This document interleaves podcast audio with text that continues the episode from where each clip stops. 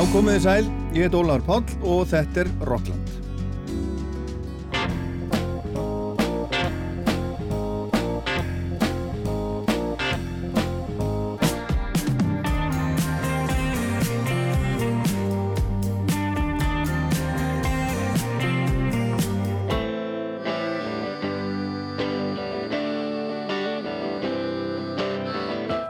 En hvað heitir þú?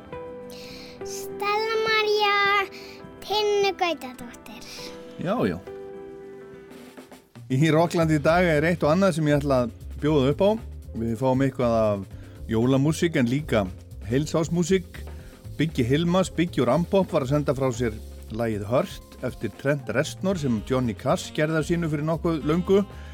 Heyrum það og heyrum af hverju hann gerði það. Svo er það Steinar Berg Íslefsson, einn mesti tónlistar útgefandi Íslands áratugum saman hjá steinum og, og spór og senu. Hann er ferðaþjónustu bóndi í Borgafyrði í dag í Fossatúni þar sem hann er með heilmikla útgerð. En svo er hann líki hljómsveit hljómsveit sem heitir Grasasnar og Grasasnarnir voru að senda frá sér blödu sem heitir Prine og inni heldur lög eftir bandariska tónlistamannin John Prine sem lést af völdum COVID í fyrra Hann heimsótti mig á, á Akranes núna í vikunni og við spjöldum aðeins saman um lífið og tilvöruna og plötuna og John Prine. Og svo er það Lennon, það voru 41 ára á miðvíkudaginn sí, síðast af frá því að hann var myrtur fyrir utan heimilið sitt í New York. Við setjum fókusinn á John Lennon í dag og förum hinga og þangað með Yoko Ono og fleirum. En byrjum aðeins að heyri U2 sem var að senda frá sér fimm laga Jóla EP núna bara í gær og þetta hérna er aða lagi þar They said there'd be snow at Christmas. They said there'd be peace on earth. But instead it just keeps on raining. Veil of tears for the virgin birth. I remember on Christmas morning a winter's light and a distant choir. Peal of a bell, the Christmas tree smell eyes full of tinsel fire.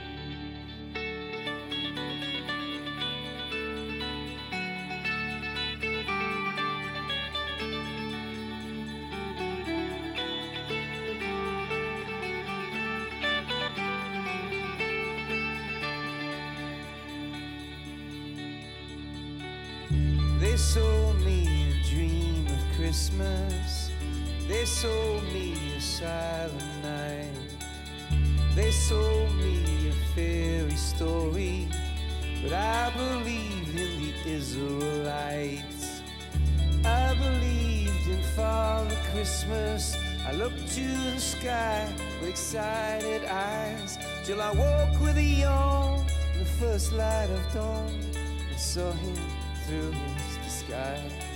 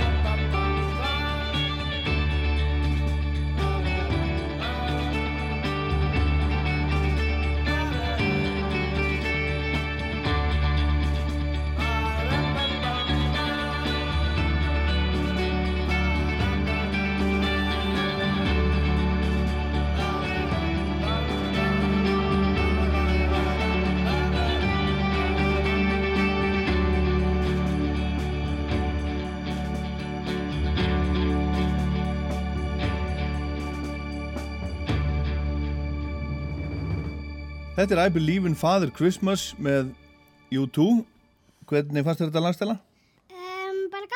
gaman, gott.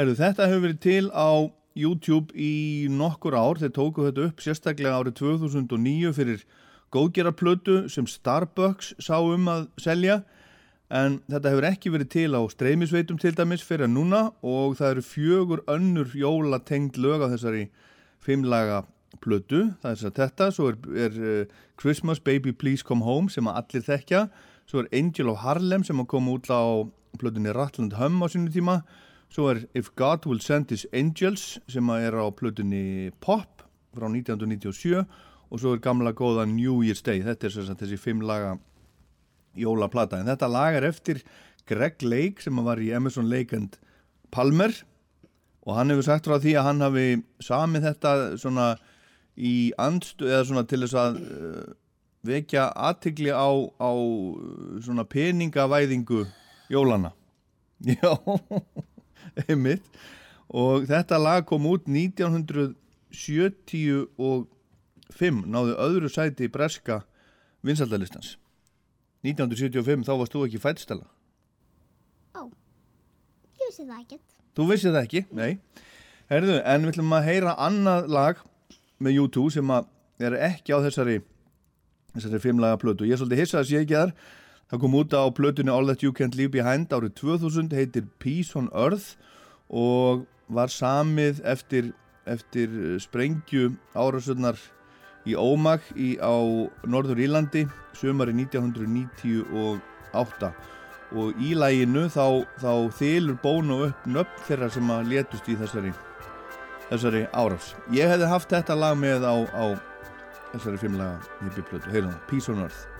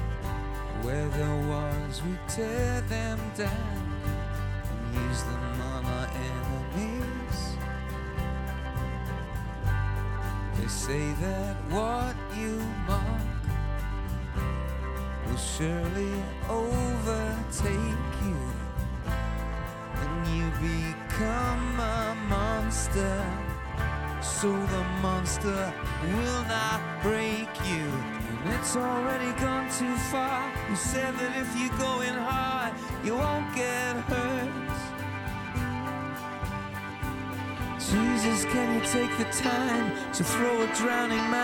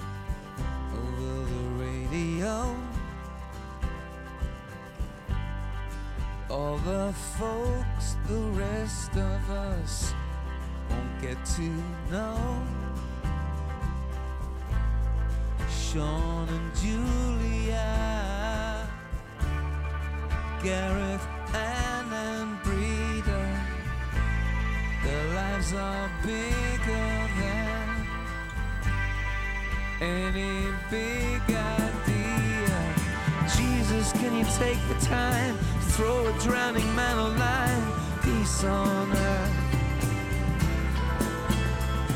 To tell the ones who hear no sound, whose sons are living in the ground. Peace on earth. Jesus, in the song you wrote, the words are sticking in my throat. Peace on earth. Hear it every Christmas time, but hope and history won't rhyme. So what's it worth? This peace on earth. Peace on earth. Peace on earth. Peace on earth. U2 og Peace on Earth orðið 20 ára, ára gammalt og svo, svo spiluðu þeir þetta eftir árafsetnar á Tvíbaraturnana 11. september 2001 þá enduðu þeir yfirleitt tónleikana sína á þessu lagi og letu það reynda renna saman við annar lag af sömu blödu sem heitir Walk On en það er önnu saga Núna í vikunni á miðvíkudaginn 8. desember voru liðin 41 ár frá því að John Lennon var myrtur fyrir utan heimili sitt í New York. Stella sem er 6 ára, hefur þú heyrt talað um John Lennon? Uh, nei. Ekki? En, en langar þig að, að heyrum hann? Já. Þá hlustu við, þá hlustu við. ok? Já, já.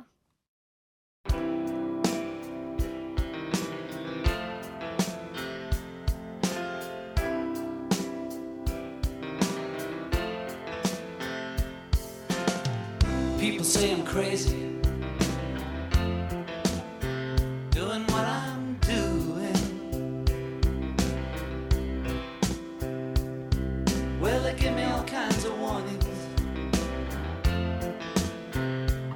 Save me from ruin.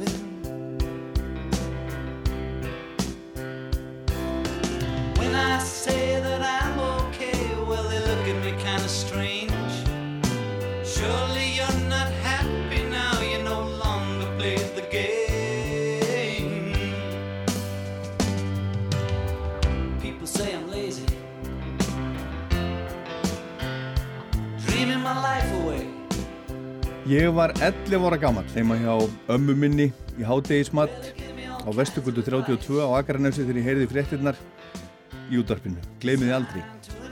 En byssur drepa engan, segja byssusamtökin í Ameríku, það er bara vond fólk sem drepar annað fólk. Ég er mjög þakkláttur fyrir að, að við Íslendingar höfum ekki sama aðgengi að byssum og bandarækjamenn til dæmis það sem að endalust er verið að skjóta fólk í skólum og svo framvegis og ég er líka mjög þakkláttur fyrir það að lögreglan á Íslandi skul ekki ganga um með byssur á sér að minnsta kvöldi. Og svo er ég þakkláttur fyrir fríðasúluna í Viðey. Með hennu höfum við Íslandingar eignast hluta í þessari mögnuðu sögu sem Bítla sagan er.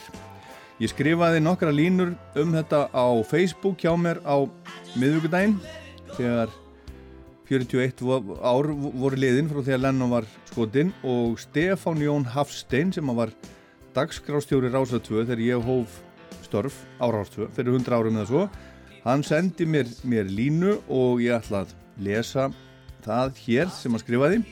Ég man hennan dag svo vel var á morgunvakt á fréttastofunni og Benedikt Jóhannesson vinnu minn vakti mig um miðanótt til að segja mér tíðindin Fréttin var svo klukkan 8 um morgunin og eftir fréttinnar gekk ég fram hjá morgunþul á vakt sem var Pétur Pétursson.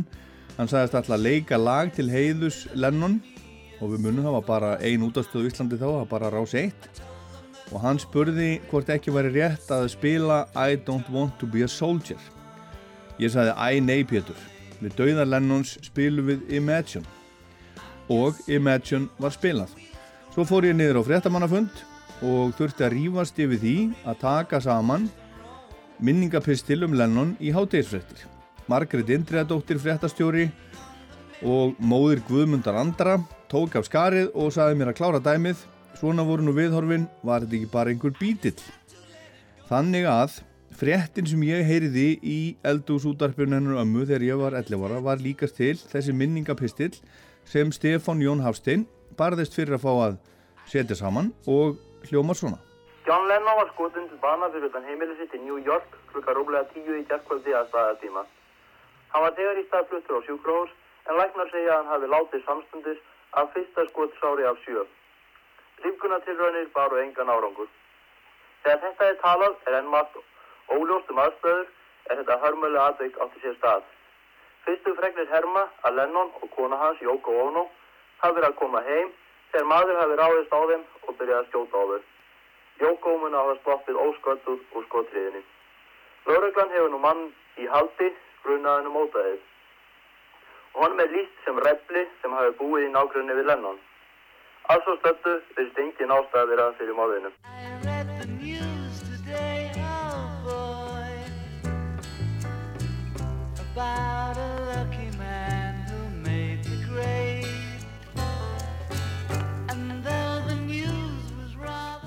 John Lennon var sannarlega eitt þeirra manna sem mótuðu samtíð sína við þórf byltingarsinnarar kynnslóðar á sjönda áratugnum.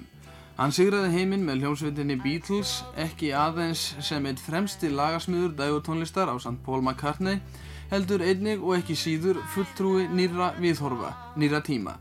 Hann var umdeldur á samt félugu sínum Paul, Ringo og George. Átrúna góð unglingana, hann bendi hins illa í augum foreldra þeirra. En þegar yfir lauk, virtur og viðukendur tónlistamæður. Lennon var alltaf bílana óstýri látæstur, reynskilinn og ófeiminn, sagði á hljómleikum í Royal Albert Hall þar sem drotningi var viðstödd.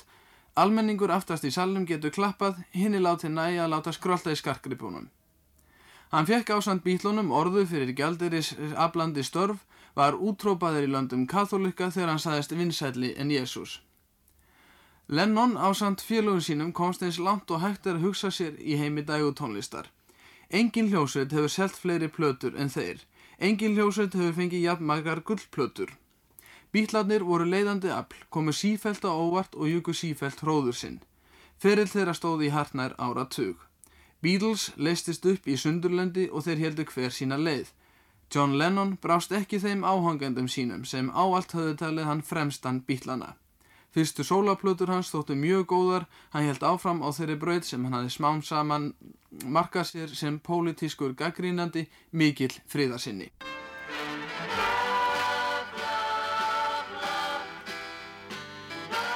Það var á árunum eftir slitt bílana að japanska konan Yoko Ono hafði gaggir áhrif á hann.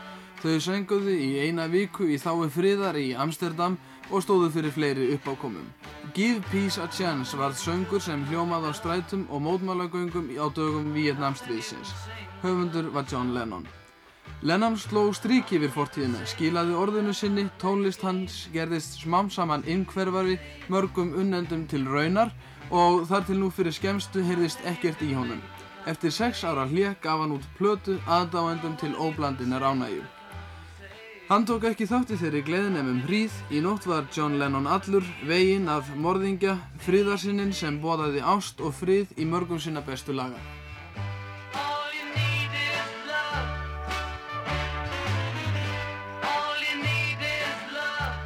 Þannig var nú það fyrir 41 áru síðan. Dægin eftir að Lennon var myrtur, þetta var sem sagt í frettónum 9. desember 1980, Stefán Jón Hafstein. Hann var svo löngu setna í borgarpolítíkinni í Reykjavík og var meðal annars formaður menningamálanemndar borgarinnar og það var hann sem gaugaði hugmyndinni að Yoko Ono að hafa fríðarsúluna út í viði. Hún var búin að ákveða að hún erði reist á Íslandi en var ekki búin að finna stað og það var Stefán Jón sem að stakka upp á viði og hún sildi út í eigu og bingo, það var rétti staðurinn.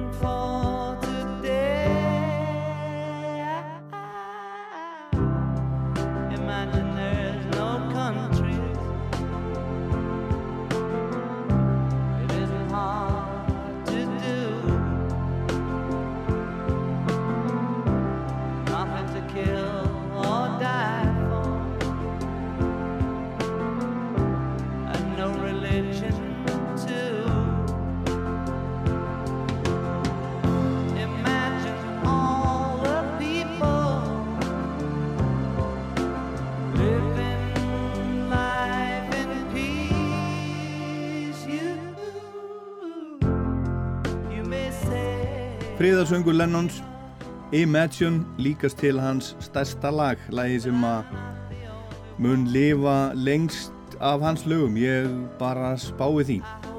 Steinar Berg Íslefsson sem er ferðarþjónustubóndi í Fossatúni í Borgafyrði og tónlistamæður, við heyrum í honum síður þættir út af plötunni sem hljómsveitin hans, Grasastnar voru að gefa út, plötuna Prime. Hann heimsótti mig á Akranes í vikunni og hann er mikill Lennon og bítlamaður og mann vel eftir deginum þegar Lennon var myrstur. Já, ég var bara heima hjá mér held ég alveg öruglega og maður, það var það hefði skeiðan okkur með árum áður að Presley dó.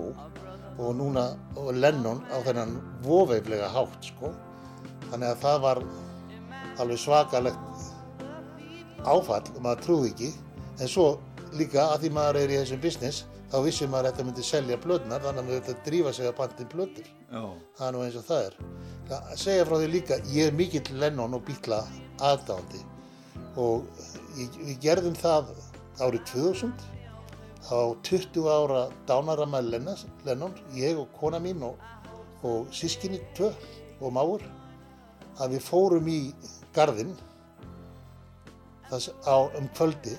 Central Park. Já, og það var alveg æðislegt. Ég held, ég veit ekki hvort þetta er ennþá í gangi, en þá horfðum maður upp í Dakota bygginguna og Jóko setti kert út í glugga og svo voru fólk allstaðar aður heiminum, Japanir, þjóðverjar, Suður-Amerika fólk og allir með gítara og töldu í. Og það myndiðist hringi, maður gekk frá hringi hring að syngja lennalög. Það var æðislegt.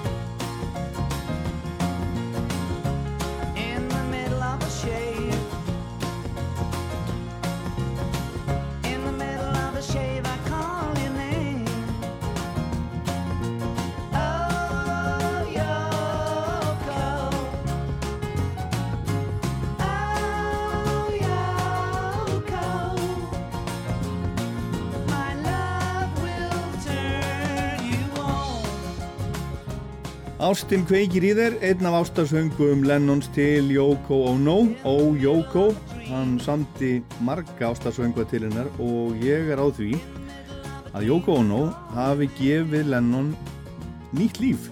Með henni varðan sá sem að hann vildi alltaf verða, þessi John Lennon sem við þekkjum í dag, fríð, elskandi, rockstjarnan sem vildi leggja sitt á vogaskálanar til að gera heiminn örlíti betri, benda á hluti sem máttu betur fara, mótmála því sem honum fannst ránt og umfram allt, benda á að ástin væri sterkasta aflið og fríður og jörð væri hinn eina rétta leið, einhvern veginn, einhvern veginn svona.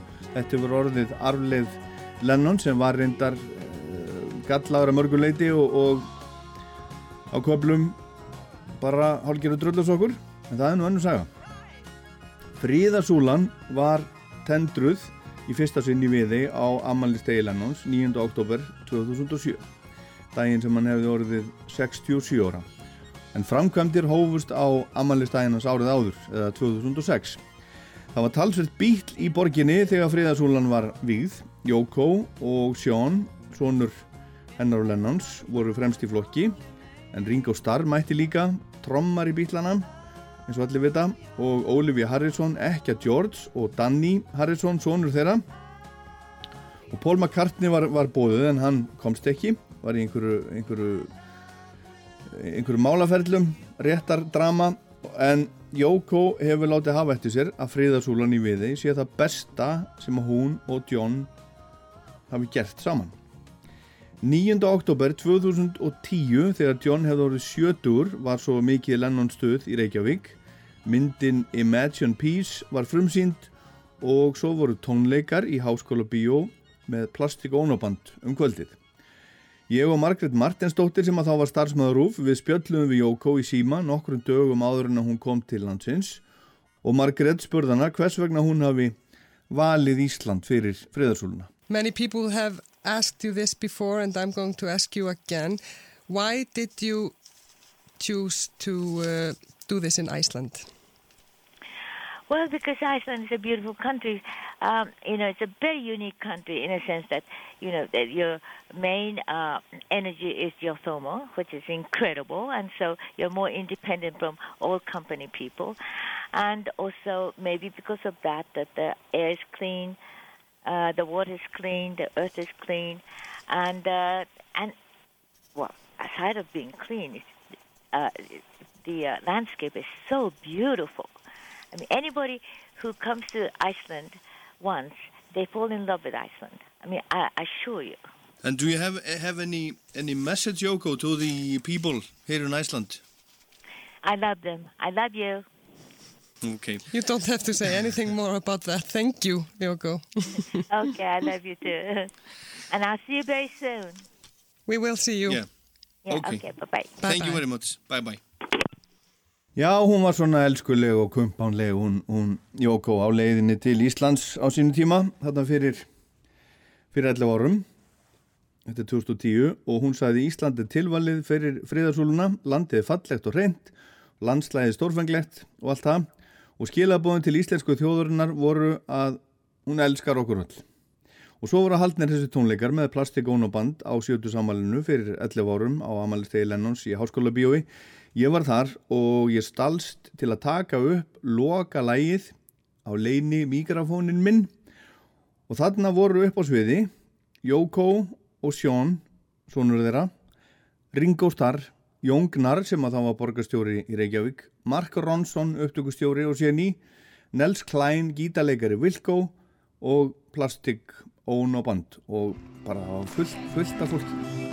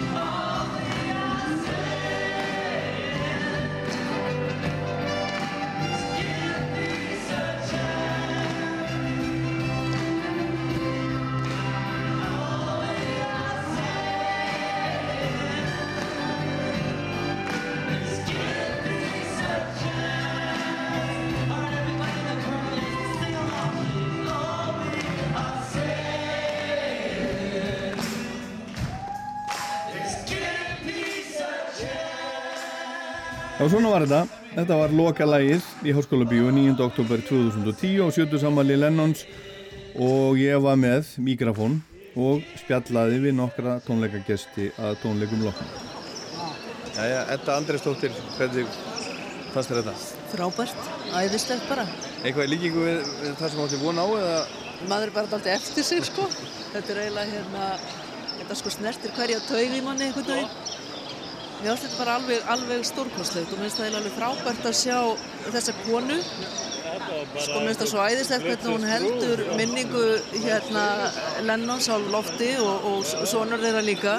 Og mér finnst þetta svo bara sko aðdánavert, ég held hún sé á áttræðisaldri, er það ekki rétt hjá mér? Mér finnst þetta náttúrulega stórkostlegt að sjá hana hérna, leika sér að þessu á sviðinu. Þetta er náttúrulega opsalega mikill listamæður Jóko Ono, alveg æðislegu listamæður. Ég finnst þetta bara frábært og þetta er fyrirmyndar fyrir allar konur. Þetta hefur verulega mikil áhrif á mig sem konu að vera hérna í kvöld. Það er Arnar Eggert. Já, ég finnst þetta alveg frábært. Ég er svona dætt í hugmyndi spila lög af plötinu sinni, sko, og hérna, en, en ég vissi líka að hérna, ég vissi hvaða lag kemur sérn í upplöfinu. Nú? Ég bara, það gæti ekki annað verið. Já, þú meinar að þú bara, þú svona fannst það bara. Ég fann það bara. Bara vissir það í hjartaðir. Og, og gaman að sjá Ringo, gamla star. Og Ólífíu Harrison. Var... Já, einmitt, einmitt. Það maður tala ekki um borgarstjórun okkar. Já, já. Ég var einmitt að hugsa, hvað ætli Jón Gnarr hafi verið að hugsa hana? Syngjandi Give Peace a Chance við liðin á, á, sko, á milli Jóko og George, nei, og Ringo Starr. Já, já, já. Það var fáránlegt. Hvað heldur hann hafi verið að hugsa? Ég held að hann hafi verið að hugsa bara, sko... Hvernig lendi ég í þessu? Já, ég er bara, þú veist, þetta er svona eitt af svona mómentum lífsans, sko. Ótrúlega fyndið. Jæja, Andrei mín. Hvað segir þú nú um þetta? Ég segi bara frábær hljómsveit, alveg bara úgeðslega flott þessi trommuleikuna þannig. Já. Alveg briljant. Já. Og bara reyndar allt bandið og svona náttúrulega það er enginn eins og Jóko. Ekki nokkuð maður. Nei. Hmm. En, en var þetta hérna eitthvað svona, svona eins og þú ætti von á eða? Já, það var það, en, og samt eiginlega betra. Ég er búin að hlusta mikið á nýjustu plötuninnar og hún er alveg frábær. Og þetta er náttúrulega svo, það band, þannig að hérna, maður vissi svona kannski svona smá á hverju maður átti að eiga von á, en þetta var bara, þau eru alveg frábær, bara, já, briljant band. Jæja, hér er hún, hér er hún Sigriður, Sigriður Vert á, á, á Boston. Hvað segir þú um þetta? Þetta er alveg ægilega gott. Ha? Ægilega ána með þetta. Ég hefði viljað standa þá eða eitthvað aðeins svona, ekki kannski Þú hefði alveg viljað standa aðeins? Já, ég geta viljað standa upp aðeins. Ekki alveg að sitja svona raskjöldunum. En er eitthvað sem að, sem að, sem að stendur upp úr? Mér hún náttúrulega alveg stórkostleg. Við hefum kostið lista með það. Sigurður Þór Salvarsson. Hvernig fannst þér þetta? Mér fannst þetta alveg stórkostlegt. Ég var ekki alveg viss um hverju ég átti vona á sko. Jóko þetta hefur verið svolítið ólíkindatóli í músikinni í gegnum tíðina. En uh, ég fannst þetta, sko, þetta band vera algjörlega frábært. Og hann, uh, hann hérna, Sjón Lennon, sko, þetta er bara snillingur. eins og pappas. Ha, og, og svo gamla, sko, hún er komin á áttræðins aldur og þetta er alveg makalist að hún skuli halda dampi. Hér voru þúsund manns í kvöld ábyggilega eða svona hér um byrn. Hvað heldur að margir hérna hafi átt vona á að heyra bara Lennon, Lennon? Einhver er eflaust, en eh, ég átti ekki vona á því. Ég vissi alveg að, að plastikónaband eins og það er skipað í dag, það er ekki að spila einn gömu Lennonlu. Þú veist að því fengum við þetta hérna bara í lokin, sko, Give Peace a Chance, það var þetta bara makalist. Og vera hérna sko á, á 70 samanlistegi Lennons með Jóko og. Sjón og Ringo. Já. Þetta er bara óglemanlegt. Sagnaður Julians? Nei, sjálfur sér ekki, ég veit ekki hvað hann er, hann er, hann er týndur á Það er ábyggilega bara heima að gráta í púða í sófanum sínum. Alveg örgulega. Þetta var bara stórkostlegt. I think you just got your first number one, Yoko.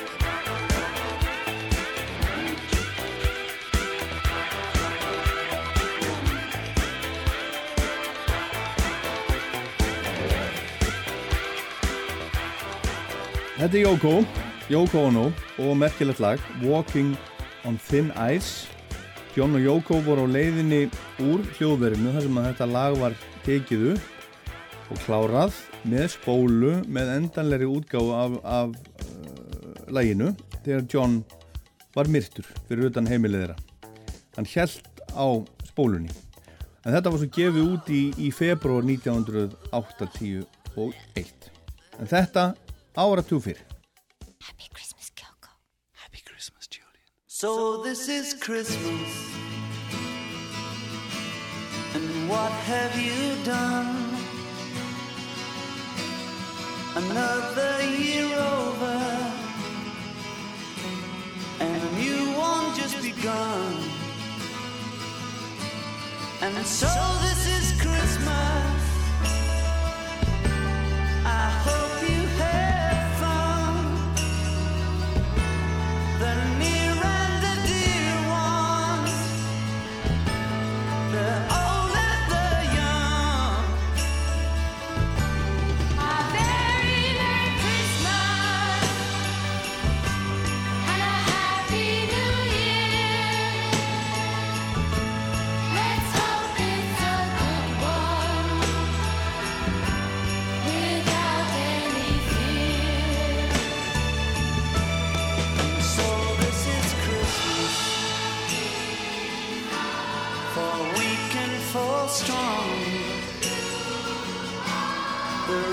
and the poor ones.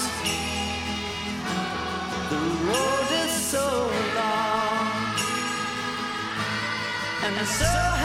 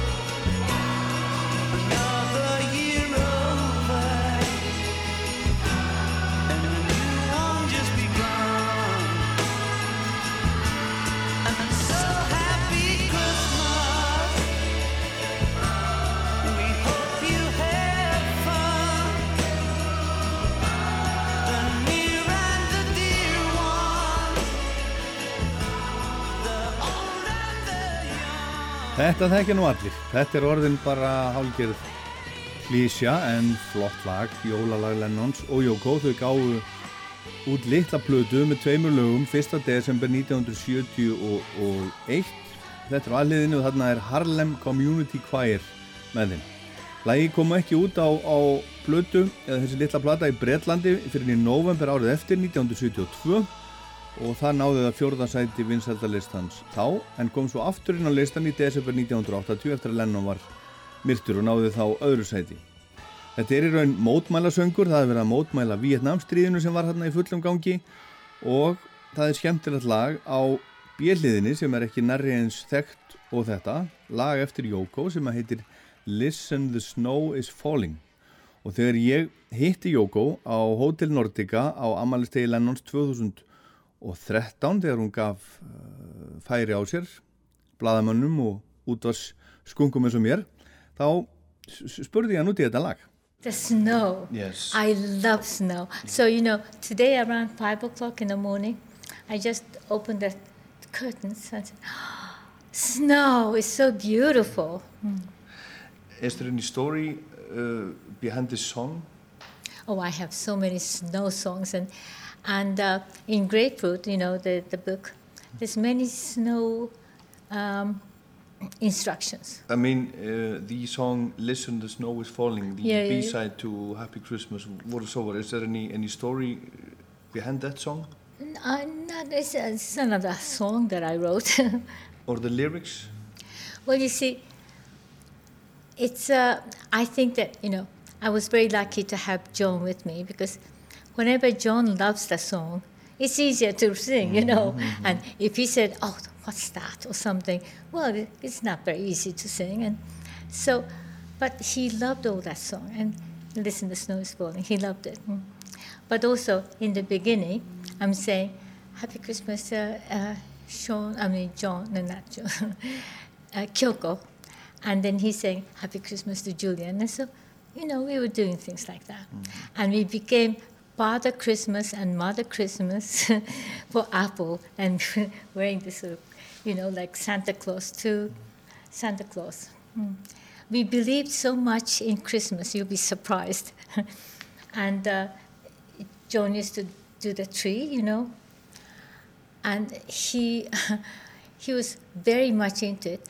And so now Sean, he's so busy. He never comes and say hello to me, except that he says, "Mommy, it's Christmas. I'm gonna come and do your tree," which is very nice. Snow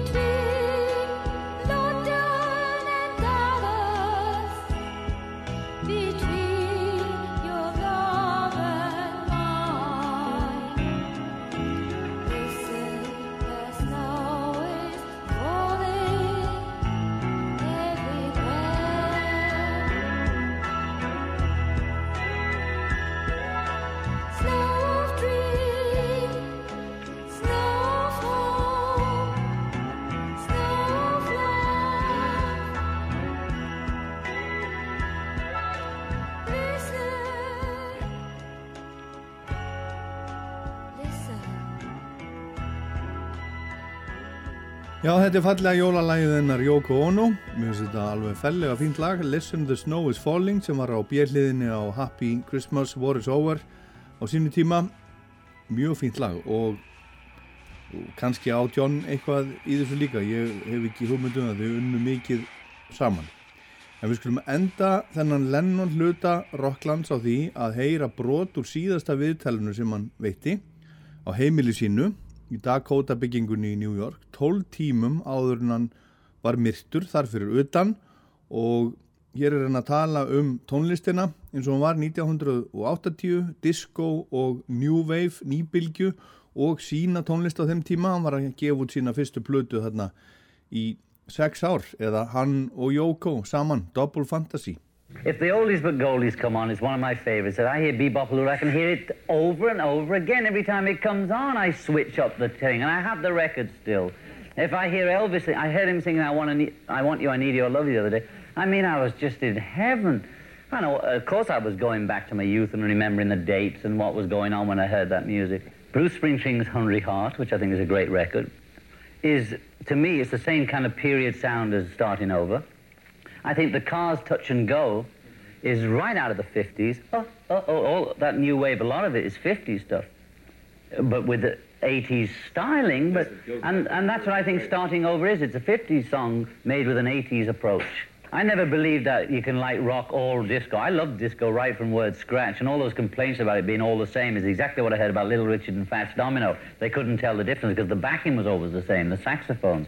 But you could select from Fats Domino and Richard the best tracks. Lucille as opposed to some one that we can't even remember, right? With the same kind of rhythm. Also now disco is part of the music scene. It's it's integrated into the whole. It's affected country and western. It's affected pop. It's affected the ballads. It is now part of the music. New wave will be exactly the same. It'll just it's another wave that joins the ocean of music. You know that I mean that was the thing about the Beatles. They never stuck to one style. They never just did blues or just rock. We it was we loved all music.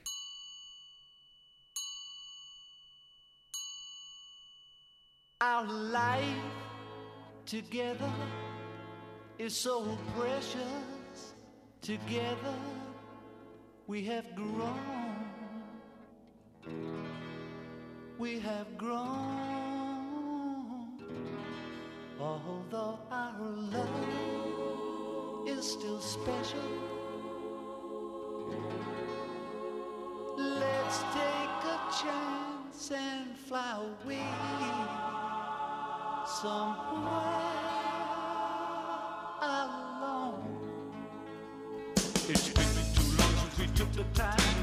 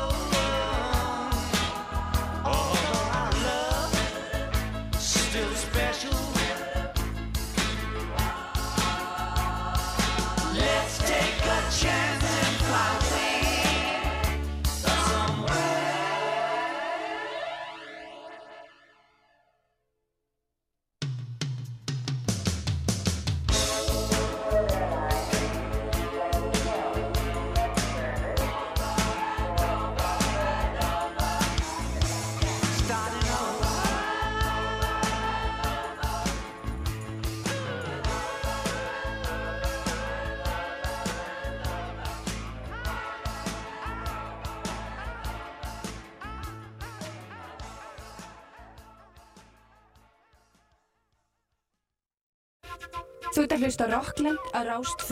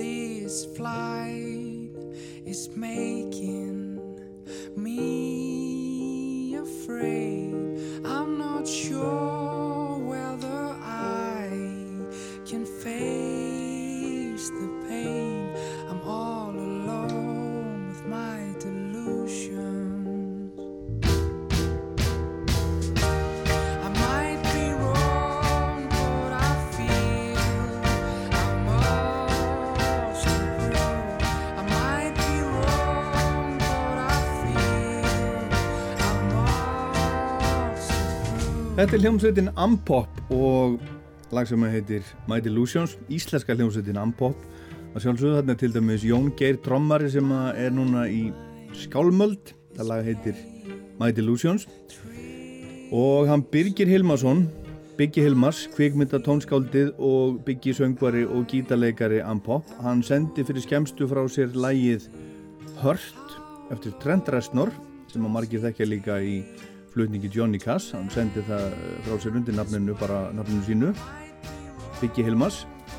Þetta er skemmtilega gert hjá honum, flott útgáfa en ég sendi honum línu og spurði hann hvers vegna hann hafi ákveðið að gera þetta, að taka upp þetta lag og gefa það út. Og hann segir okkur frá því hérna rétt á eftir en heyrum John Johnny Cass syngja hluta af læginu fyrst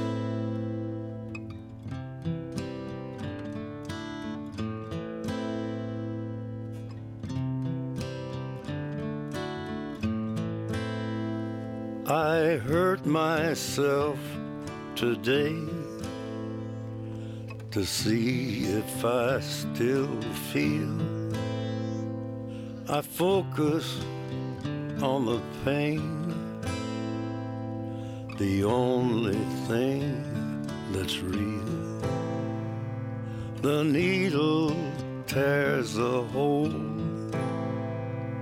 the old familiar sting. Try to kill it all away, but I remember everything. What have I become? My sweetest friend. Everyone I know goes away in the end. And you could have it all. My empire of dirt. I will let you down. I will make you hurt.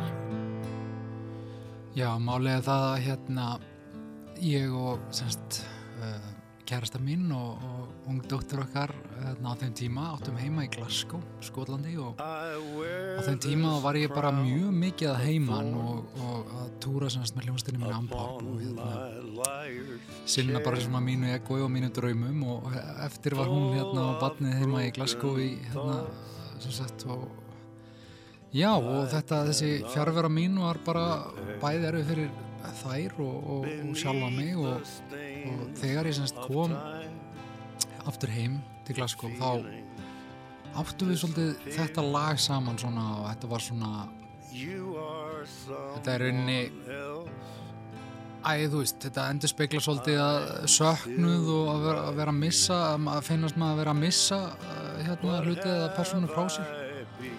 Eitthvað sem við, sem við þurfum öll að ganga í gegnum en þarna tengdi ég þetta við í rauninni það að, að, að, hérna, að vera mikið í burtu og, hugsa mikið um sjálf mig og eitthvað sem ég þurfti bara að gera svona tíma en þeim með þeim áleggingum að, að hérna, kona minn átti erfitt með og hérna, pappi mikið í burtu og svo framvegis en hérna já, þannig að þetta var svona okkar lag og mér þóttir rosalega væntu það og okkur þóttir rosalega væntu það að við spilum það reglulega og hérna, hérna þegar ég kom heim og fekk mjög snemma hugmyndina um hvernig mér langaði að útsetja lægið og syngja það sjálfur. Og Johnny Cass útgáfan var hérna í miklu upp, uppáhaldi hjá okkur. Og hérna þó að Nine Inch Nails útgáfan sé alveg geggju líka. En uh, já og ég sá alltaf fyrir mér bara þú veist að gera þetta með strengjum og bara hafa þetta svona frekar mínimalist en samt svona aðtilsvert og kannski blanda saman svona mínimaliskum píónói og strengjum og, og, og einmitt að fara svolítið eins og Nine Inch Nails hérna Trent Reznor gerði eh, með sinni hljómsveit að þeir fóru upp um áttund sko og það ger ég og ég er að fara alveg bara eins hátnan og ég kemst og þetta er svona svolítið 90s fíl yfir sem maður svona öskra úr sér lungun sko. Já og já, mér langaði bara að gera þetta. Þú veist, þetta var minning sem að fer aldrei skilur en þó að maður sé komin yfir hana og, og, og, og þá hérna fannst mér bara svona uh, gera þetta upp þetta tímambil með að bara, þú veist, fara allar leið með þetta. Og við sem sagt fórum í Studio Sýrland, tókum upp geggjaðan strengjakvartetti hérna í, með Viktor Orra Átnarsson í broti fylkingar og bara þú veist, gerðum þetta bara úgislega vel og tókum vídeo sem er núna sem sagt eh, fáanlegt á, eða þú veist, sjánlegt á YouTube, hérna undir Byggi Hilmars. Lægið er að sjálfsögðu á Spotify og út um allt þannig að bara njótið vel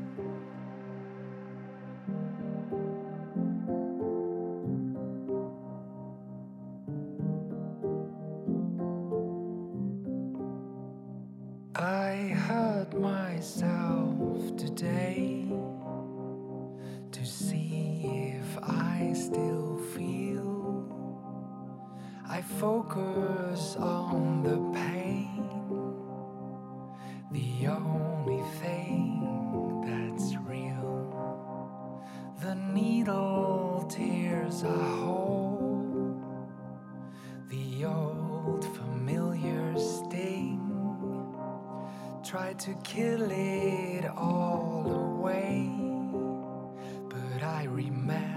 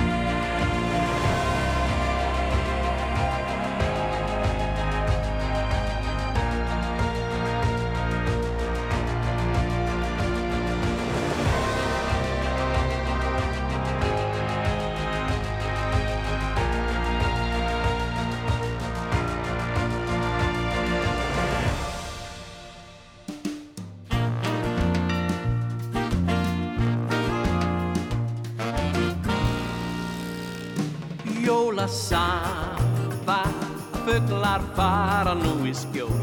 Jólasamba, naburt er við norður pól og alltaf sækjum við í sólskinið.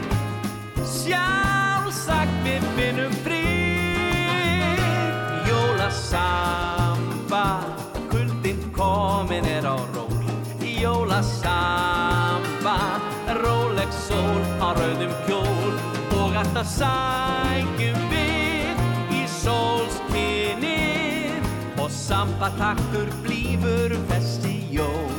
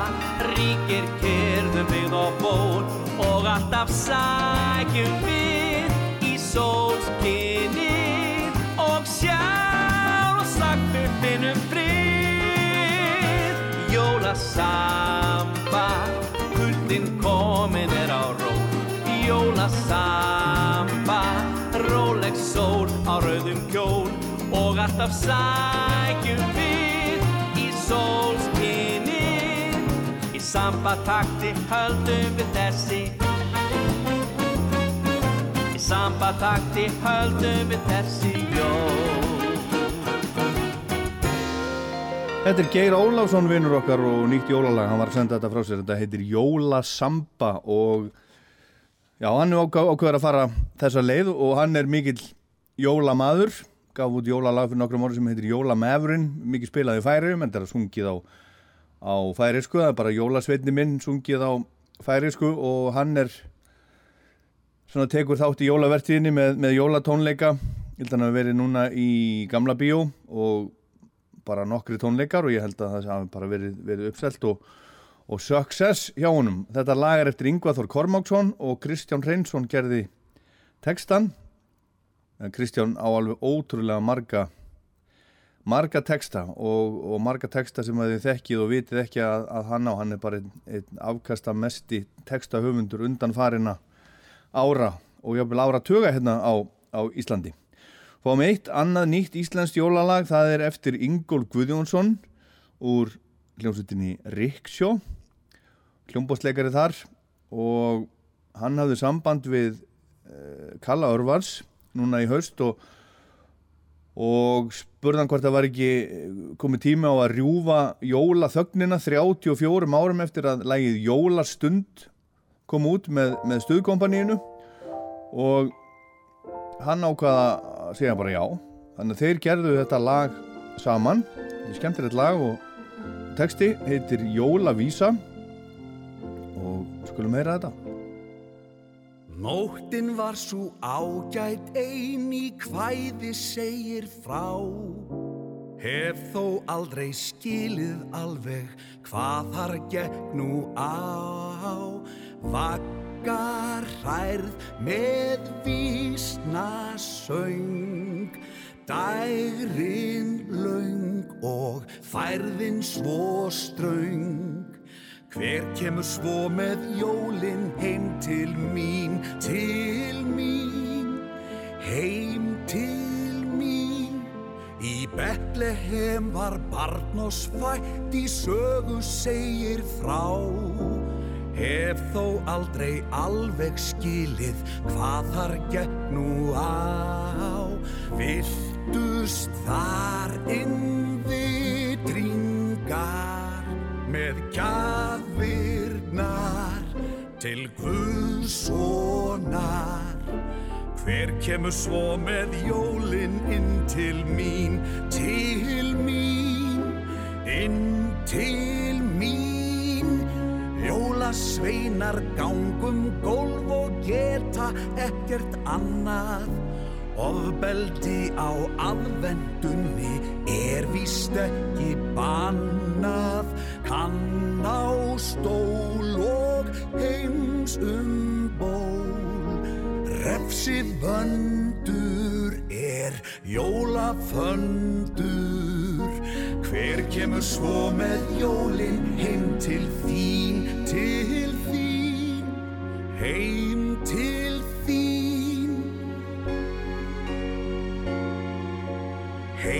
til þín. Siggi er á síðum buksum Sol í bláum kjól. Flippant nappar ófundnir Og það er að koma jól. Mamma á fatt Yfir fullt af mat. Amma öskrar Og afa blöskrar Nú eru jólin komin heim til mín, til mín, heim til mín, til mín, heim til mín.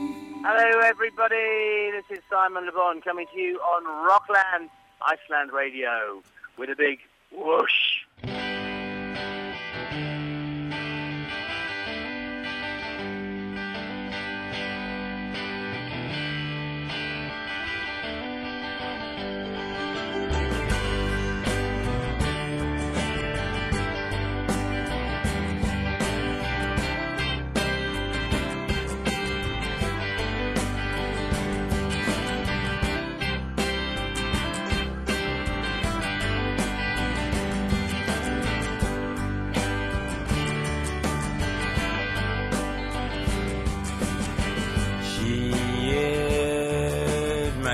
Everything.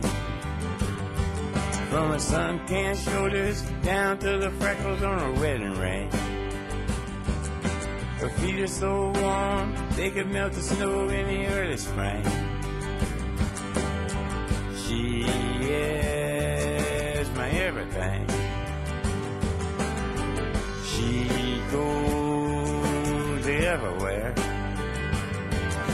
From Copenhagen to eggs and bacon down on Jackson Square.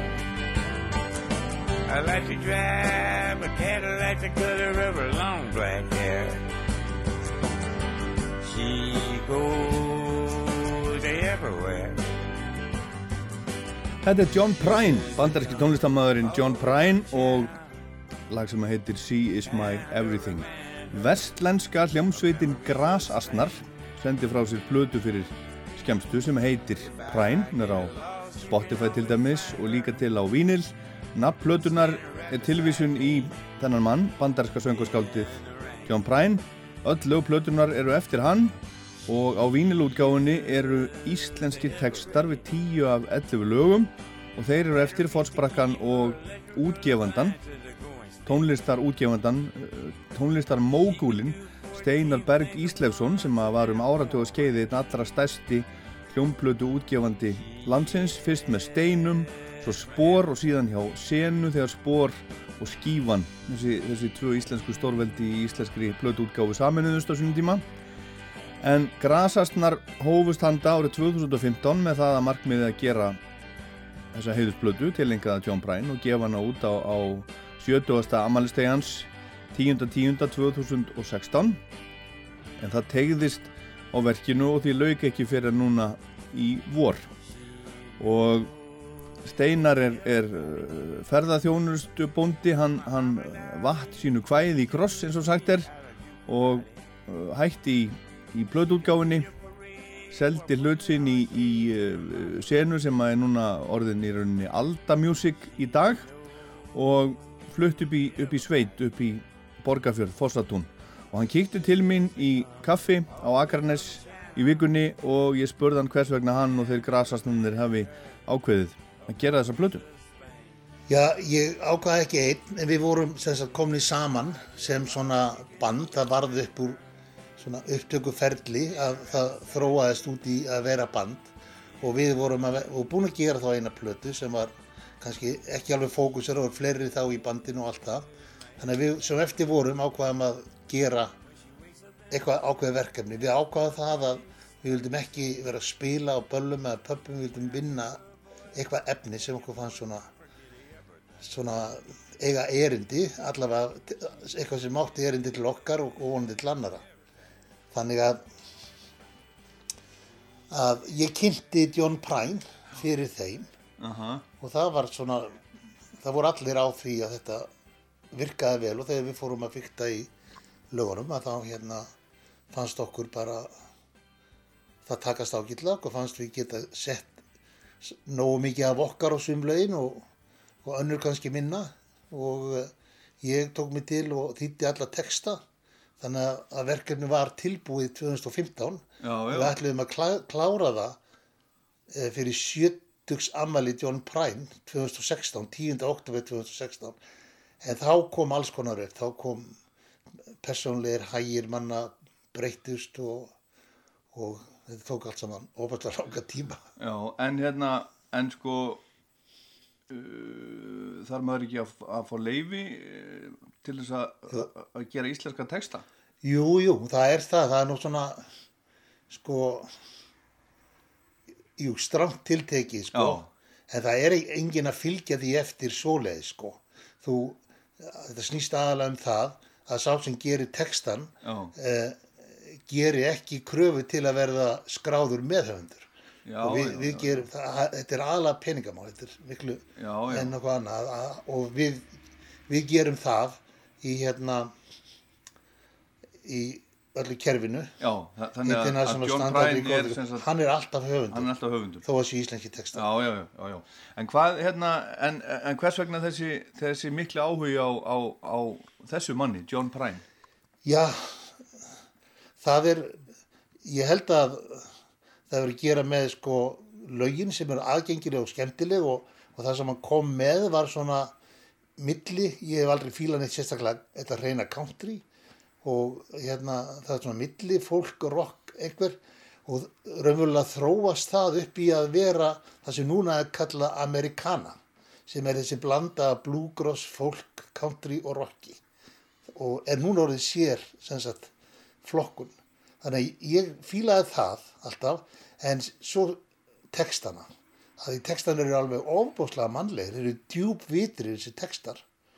Og allir vandaður og góðir sko og líka mjög húmoriskir þannig að, að það svona var til þess að að ég hlusta á hann aftur og aftur og aftur Já. Herðu, heyrum eitthvað, heyrum eitthvað af blutunni. Hvað vilt þú velja? Já, það má bara velja þetta á hverjum degi sólinn rís á ný. Já. Þetta er eitt af hans svona einfalt mjög þekkt lag og með svona absúrt texta sem stendur svolítið fyrir hvað hann gerir. Já, og hei, heitir á einsku? That's the way that the world goes around. Já, já, einmitt, það er lag. Heyru það.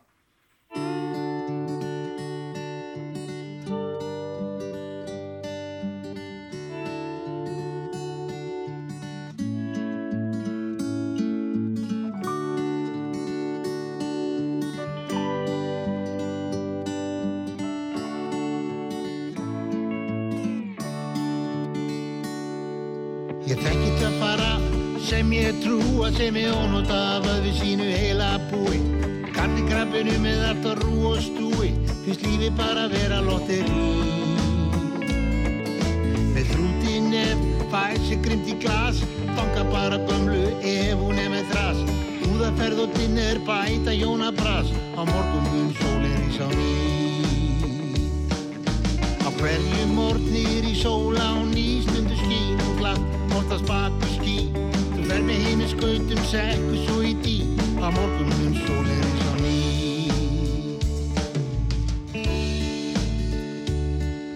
Ég lá bara í baði áhyggjulaus, varma stilli bilaði og vatni fraus, var frosinn fastur, ráðalaus, tilbúinn að fara í langt frí. Klaka tár lágu niður á minn lók Þá bröð sólinn gegnum glerið Brætti burtu mók. Stóð upp og skelli lók Fannst þetta algjört jók Heimurinn hló með mér á ný Á hverju morgnir í sóla og nýstundu skín og glatt oftast bak við skín. Þú fer með heimil skautum, sekkur svo í dý Á morgun mun sólir í sá ný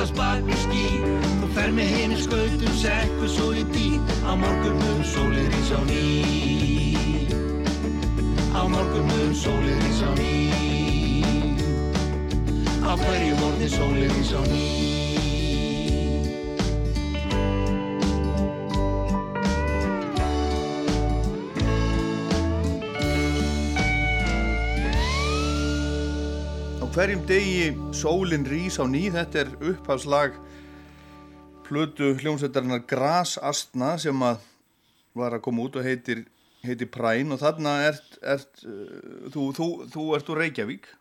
Ég er úr Keflavík. Þú ert úr Keflavík, þú ert úr Keflavík, þú ert hérna þeim, já. Já, já. Svo, svo er hérna gítarleikari frá Akranesi. Já. Trommari úr Borgarnesi. Já. En bassarleikarin. Líka, þeir eru bræður. Já, þeir eru bræður. Borgarnes bræður. Já, já, já. Hal, Halldór og, og Sigurþór. Akkurat. En hérna, en Steinar, þú ert náttúrulega, sko, þú ert búin að vera náttúrulega uh, í, í músikbransanum alveg síðan bara, já, síðan hvernig, um 1970?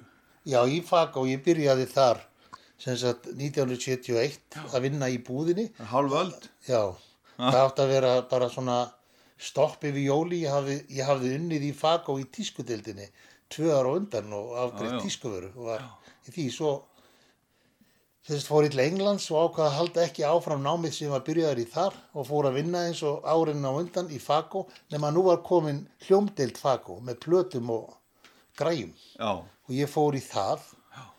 og ég var vesnastjóri á vordöfum þar á ettir og var þar í fjögur ár þannig að ég ákvaða að hætta árið 1975 og gefa út plötu sem að ég hafði verið beðin um að gefa út sumar á Sýrlandi Já, stu- stuðmenn. Já. Og þar hófst þinn útgáfu ferill. Já. Og svo gafstu bara út, svo var það hérna Steinar sem að, sem að heitir ekki eftir þér. Nei, það svo skrítið. Það, ég, ég var eiginlega á móti í nafninu sko þegar kom upp. Óli Þórðar, upphælaði Steinar, fimm aðila sem á eiga 20 bróns hver. Haugur Ingibergsson, Já. Óli Þórðar, Hjörti Blöndal. Páll Pálsson tengdafæða minn og ég. Já, já, já.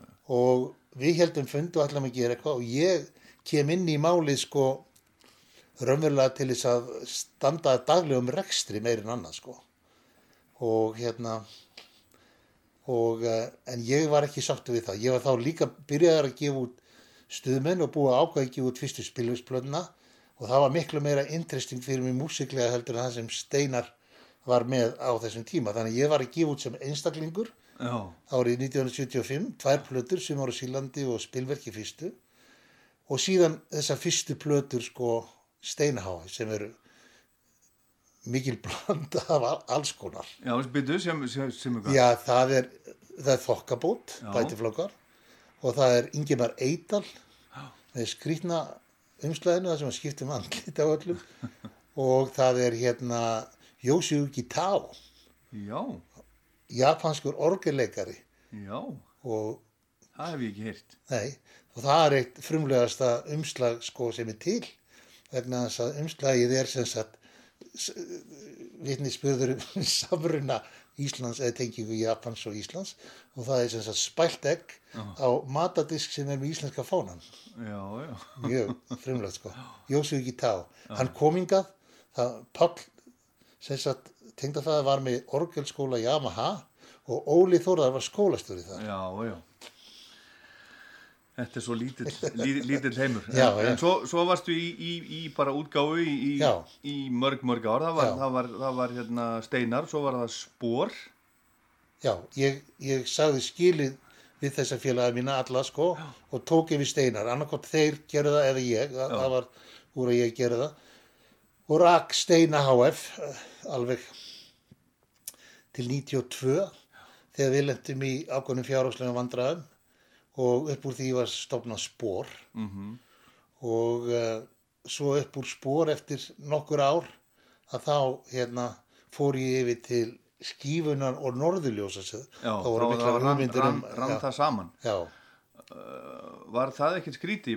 Þið voru svona, eh, sko, það var sko, Steinar Berg og Jón Ólafsson. já, já, Eh, Spor og Skífan, það Já, voru já. svona tvö stór Já, já. fyrirtæki á hérna markanum. já, já, En voru þið í sambandi allan tíman? já, já það er alltaf verið og hljómplötu útgefundur á þessum tíma þú veist, voru að halda sína fundi fyrst var Haraldur gamli fólkanum með sko, Svavar líka og Svavar svo Gess. Óli Haralds og, já, Svavar Gess, já. og hérna, og svo við ungu menninni sko, sem þá var ég og Jón Ólafsson og, og fleiri reyndar sko og Rúna Júl Já, og Gunni Þórðar Já, já. báðir útgefundur með sín fyrirtæki. Þannig að og við vorum alltaf áttum góða fundi og gott talsamband og, og náðum því að horfa á svona hildina og svo vorum við í samkeppni þar á milli sko sem að var bara eins og lífi gekk fyrir sig sko að maður var ánægð með sund og ekki annað. Já, já, hörð, hörð já, En þetta hefur alltaf, alltaf verið eh, erfiðu bransi að gefa út plötur á Íslandi. já það er sko þetta, dæmið er þetta sko við fórum í það að fá umboð fyrir ellendi merkjum fyrir CBS sem síðar var Sony og Warner Brothers og flerum sko, Chrysalis og Virgin. Þú eru allt svona heit merki með góðri tónlist og þegar maður flytur inn tónlist að utan að þá er maður að fá sína álægingu frá fyrsta eindaki Mm ef þú gefur upp íslenska plötu þá þarf það að selja 3-4 þúsund plötur áður en þú far krónu í hagnað og það gera það svo erfitt því að meðaltal salan hún er einhverstaður um 15, eða var þá um 1500 eindök Já. En þú ert enn að gefa út. já, já, þetta er þetta þróaði svona, þið komum upp í borgarfjörð og, og er svona Já, nú ertu Skemmti- ferða, ferðaþjónustu bundi. já við, við, það eru 20 ár síðan við kiftum jörðina Fossatún já. og 16 ár síðan við hófum rekstur og við erum búin að fara í gegnum eh, hrun og COVID og eh, við stöndum mjög vel okkar fyrirtæki eh, hefur sk- náð að skapa sér sérstöð og við erum með góða rekstur Já, flott. Þú, þú, þú stendur allt af þér. já, já, það þarf að fyrir þessu Já, já, já, já. Herðu, en svo fórstu hérna, þú er búin að vera hérna e, í fórstjórastólunum mjög lengi, en svo fórstu að læra á gítar. Og- Já, ég, ég hafði og reynda byrjað á því áður, sko. Já. Ég veit ekki hvað ég á að segja mikið um það. Ég fór í tíma til hans Eithos Þorlókssonar fyrst. Hæknin hendaði mér ekki. Nei. Og svo fór ég til Gunnar Þórðar. Já. Og hann hérna ákvað það að þetta hendaði honum ekki. Já. Já. Ég var búinn að kaupa mig gítar og gatt svona glamrað á hann, sko. Mhm. Og uh, svo ég segi nú frá því að það er alveg vel meint allt saman, sko.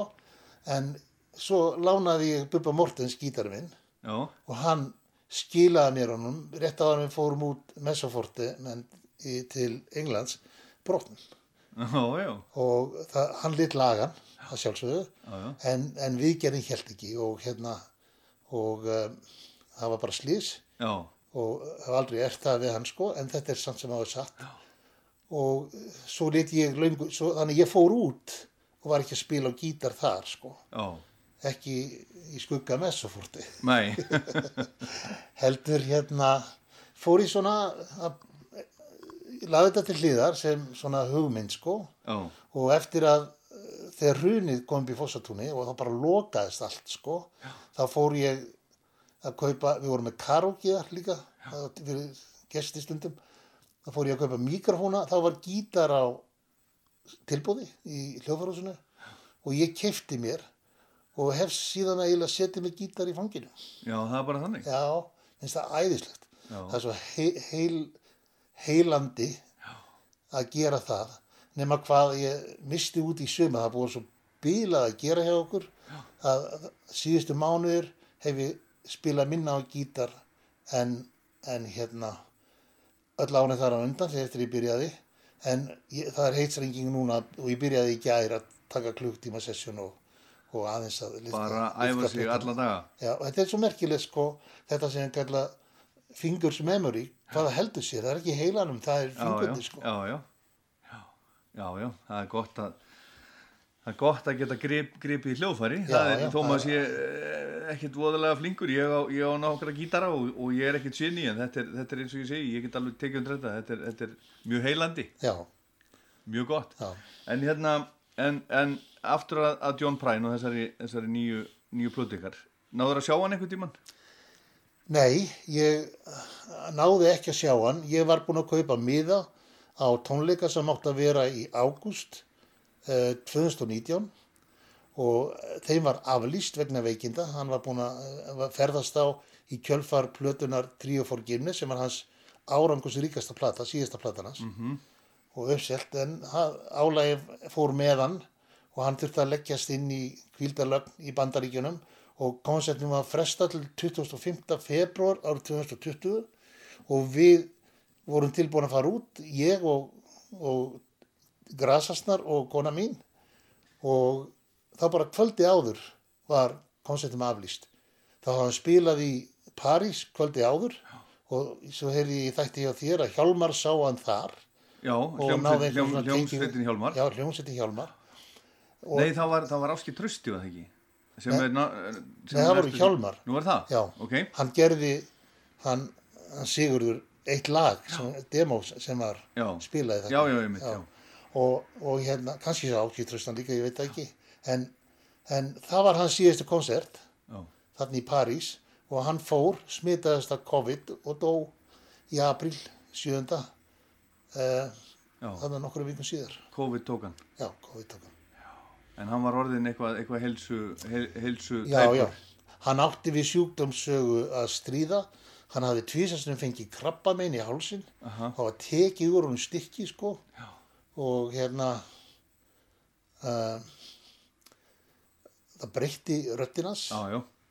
Og uh, það var áallega að hann myndi aldrei geta gert neitt meira en hann kom þá með plötu sem að ég myndi ráleikja einhvern sem ætlar að byrja að hlusta á John Prine og ég man reyndar að hún var svolítið mikið spilaðar á tvö sín tíma, Maggi Einars Já. hún heitir Fair and Square Aha. afbraksplata, Já. það sem þetta saminast þetta rock, blues uh, hérna og allir fólk og country er svo skýrt og gott Já, já, hann á sér, hann á sér Já. sinn, sinn hóp.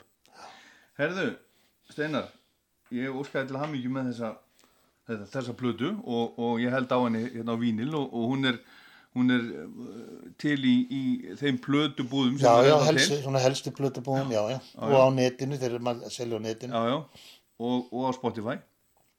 Að sjálfsögðu, frá okkur líka beint, sko, og, og að sjálfsögðu þeir eru á Spotify. Ásatt fullt af öðru efni sem er ekki á plötinu, auka efni. Nú, Við tókum nú. svo mikið upp. Já, ok, þú ert óstöðvandi. Já, já. Herðu, en, en hvaða laga ég að heyra hérna í restina? Já, veit ekki hvað ég á að segja. Uh, ef ekki bara að segja, já, svei mér þá, það má skýra einhver drikk eftir þér. Já. Og það heyrist kannski ekki vel í útarpi, en þar bakvið, sem sagt, þetta er um barferð og vesinn og vandræði. Og þar má heyra frægasta barvesinn á Íslandi í bakgrunn. Nú, sem er hvað? Klausturbarinn. Já, ok. Takk fyrir spjallið. Takk samleiðis.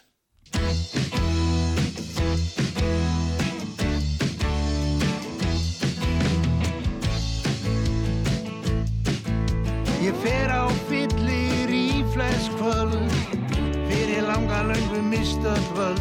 Er ég lifti glasi þá lifnar yfir mér. Mér finnst ég stundum glapað flón og límit ekki svipur ég á sjón. Já svei mér þáttan og skýra einhver drikk eftir þér.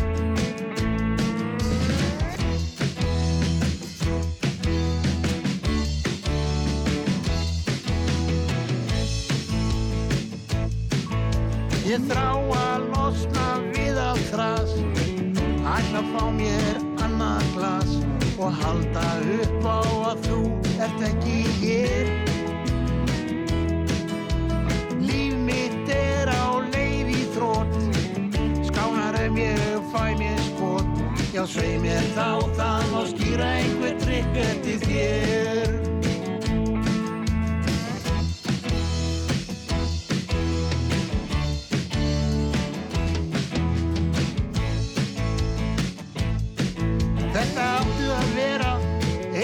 tveir.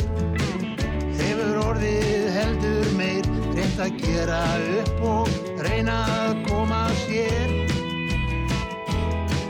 Svo frétti ég þú væri farin burt. Heldi kíl á annan og verðum kjurt Já, svei mér þá, það má skýra einhver trygg eftir þér. Já, svei mér þá, það má skýra einhver trygg eftir þér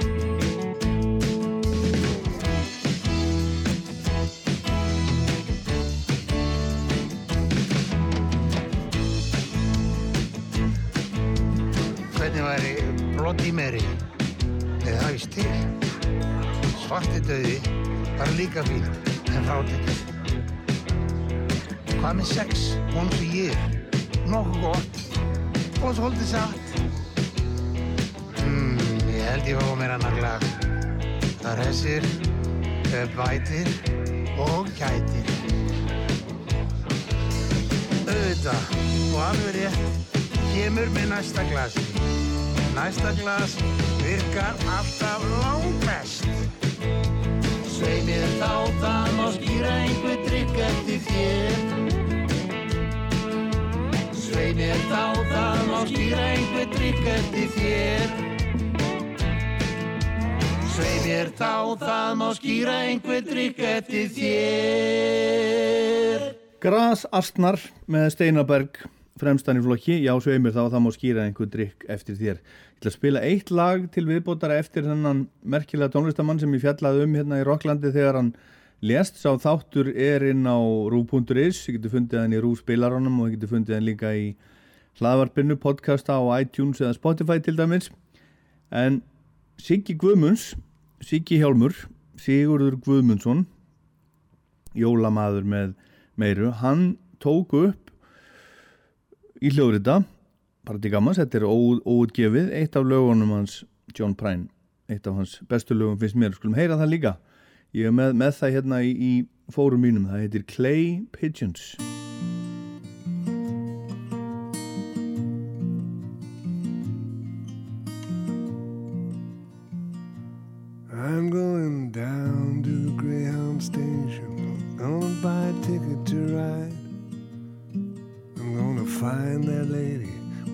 three kids and sit down by her side.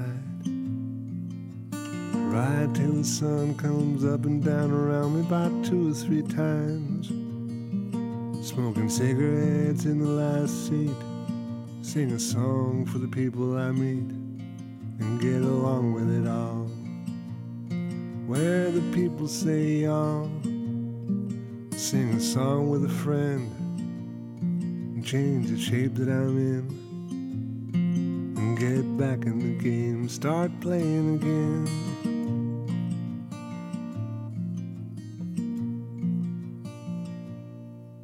I'd like to stay, but I might have to go and start over again.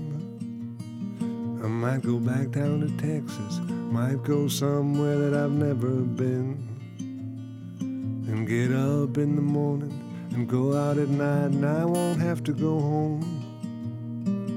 Used to being alone, change the words to the song, and start singing again.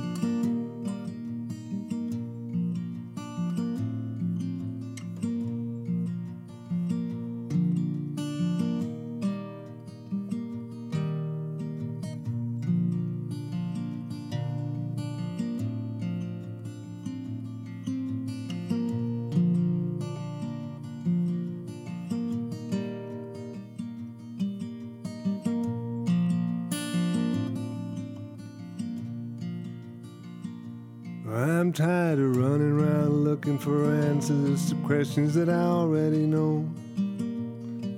I could build me a castle of memories just to have somewhere to go.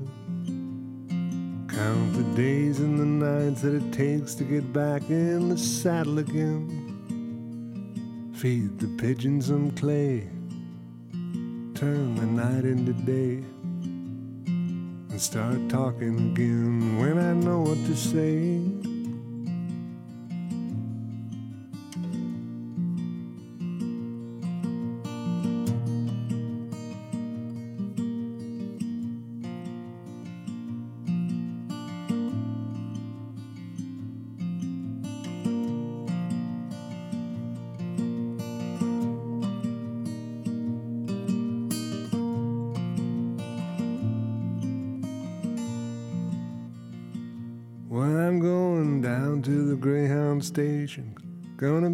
Ticket to ride. I'm gonna find that lady with two or three kids and sit down by her side. I ride till the sun comes up and down around me about two or three times. Smoking cigarettes in the last seat, sing a song for the people I meet, and get along with it all where the people say y'all feed the pigeons some clay, turn the night into day, and start talking again when I know what to say.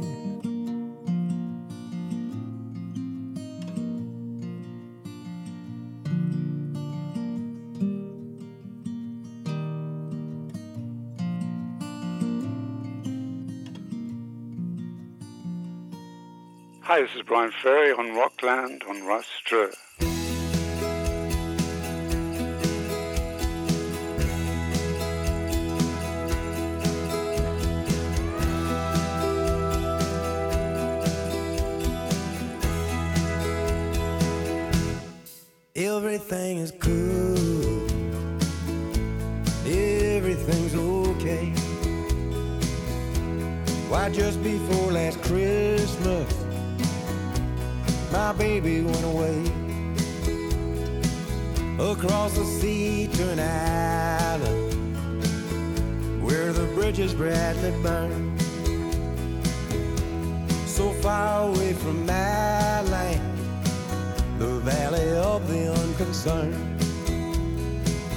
I was walking down the road, man, just looking at my shoes.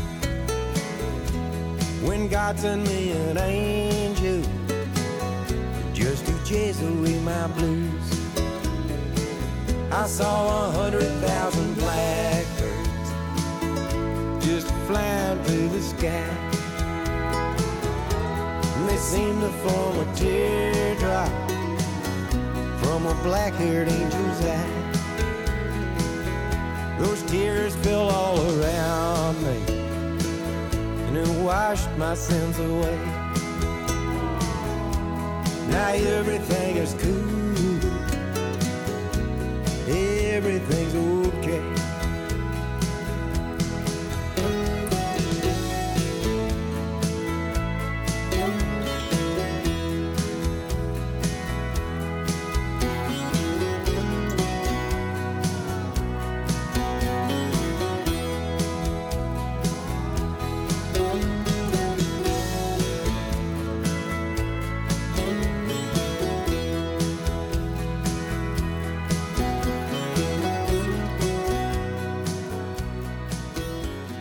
Jæja, hver haldi að þetta hafi nú verið annar en, en uh, John Prine, maðurinn sem að, sem að Steinar Berg er svo hrifin á og þeir grasasnarnir kerðu heila plötu í hans nafni með íslenskum textum en þeir eru líka, hún er líka til með ennskum textum.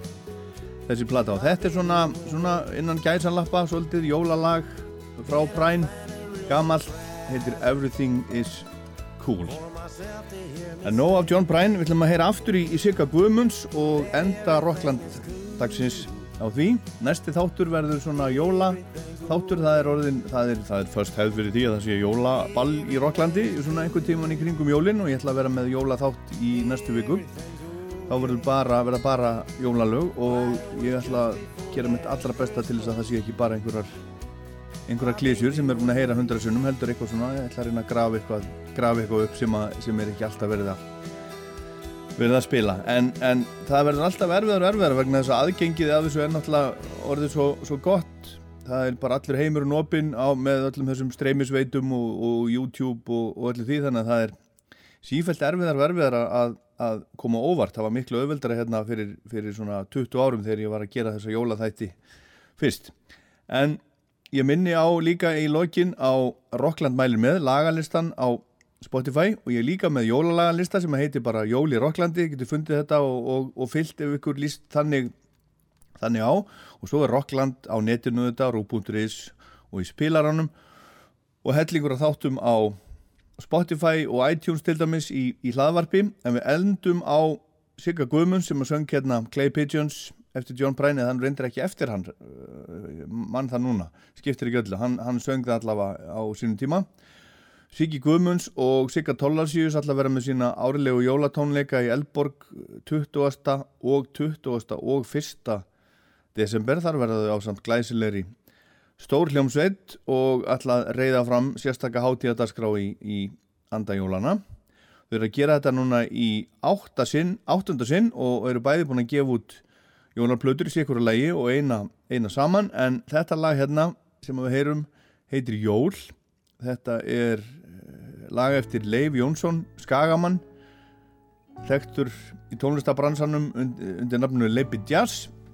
Ljóði gamalt eftir Stein Steinar engan annan og þetta er af, af jólarblötuna Sigga, nú stendur mikið til sem að gerði með Memphis Mafíunni fyrir réttrúmum áratug 2010 en þetta var Rockland, ég heit Ólaður Páll. Takk fyrir að hlusta.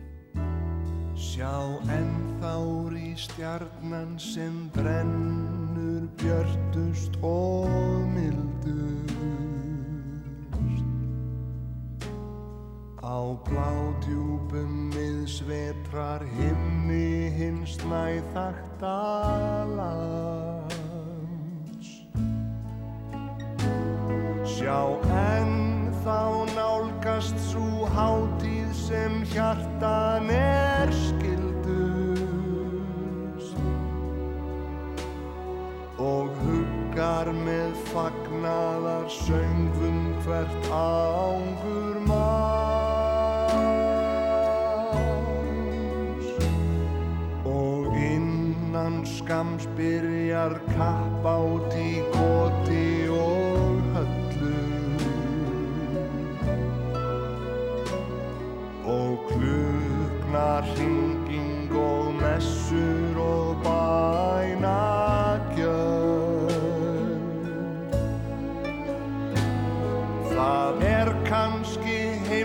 heimskast og andstyggilegast af öllu.